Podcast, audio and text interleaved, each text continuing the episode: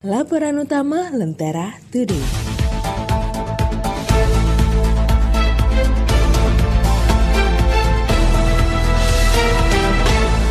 Kalang kabut, dunia perangi varian Delta.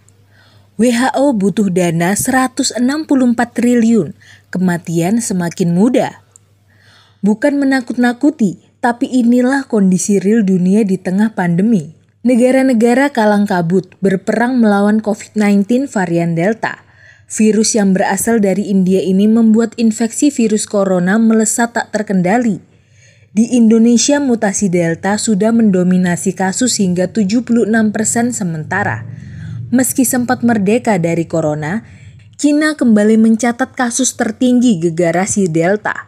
Bahkan di Australia tercatat kematian termuda yaitu pria usia 20-an tahun tanpa penyakit bawaan, meninggal dunia karena positif corona.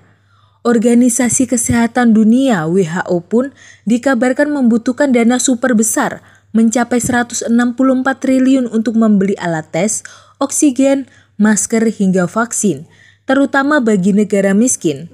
Bukannya membaik, peneliti malah mendeteksi kondisi akan lebih chaos karena varian baru tersebut bermunculan teranyar varian Lambda. Dikatakan para ilmuwan Jepang kebal terhadap semua jenis vaksin yang saat ini beredar.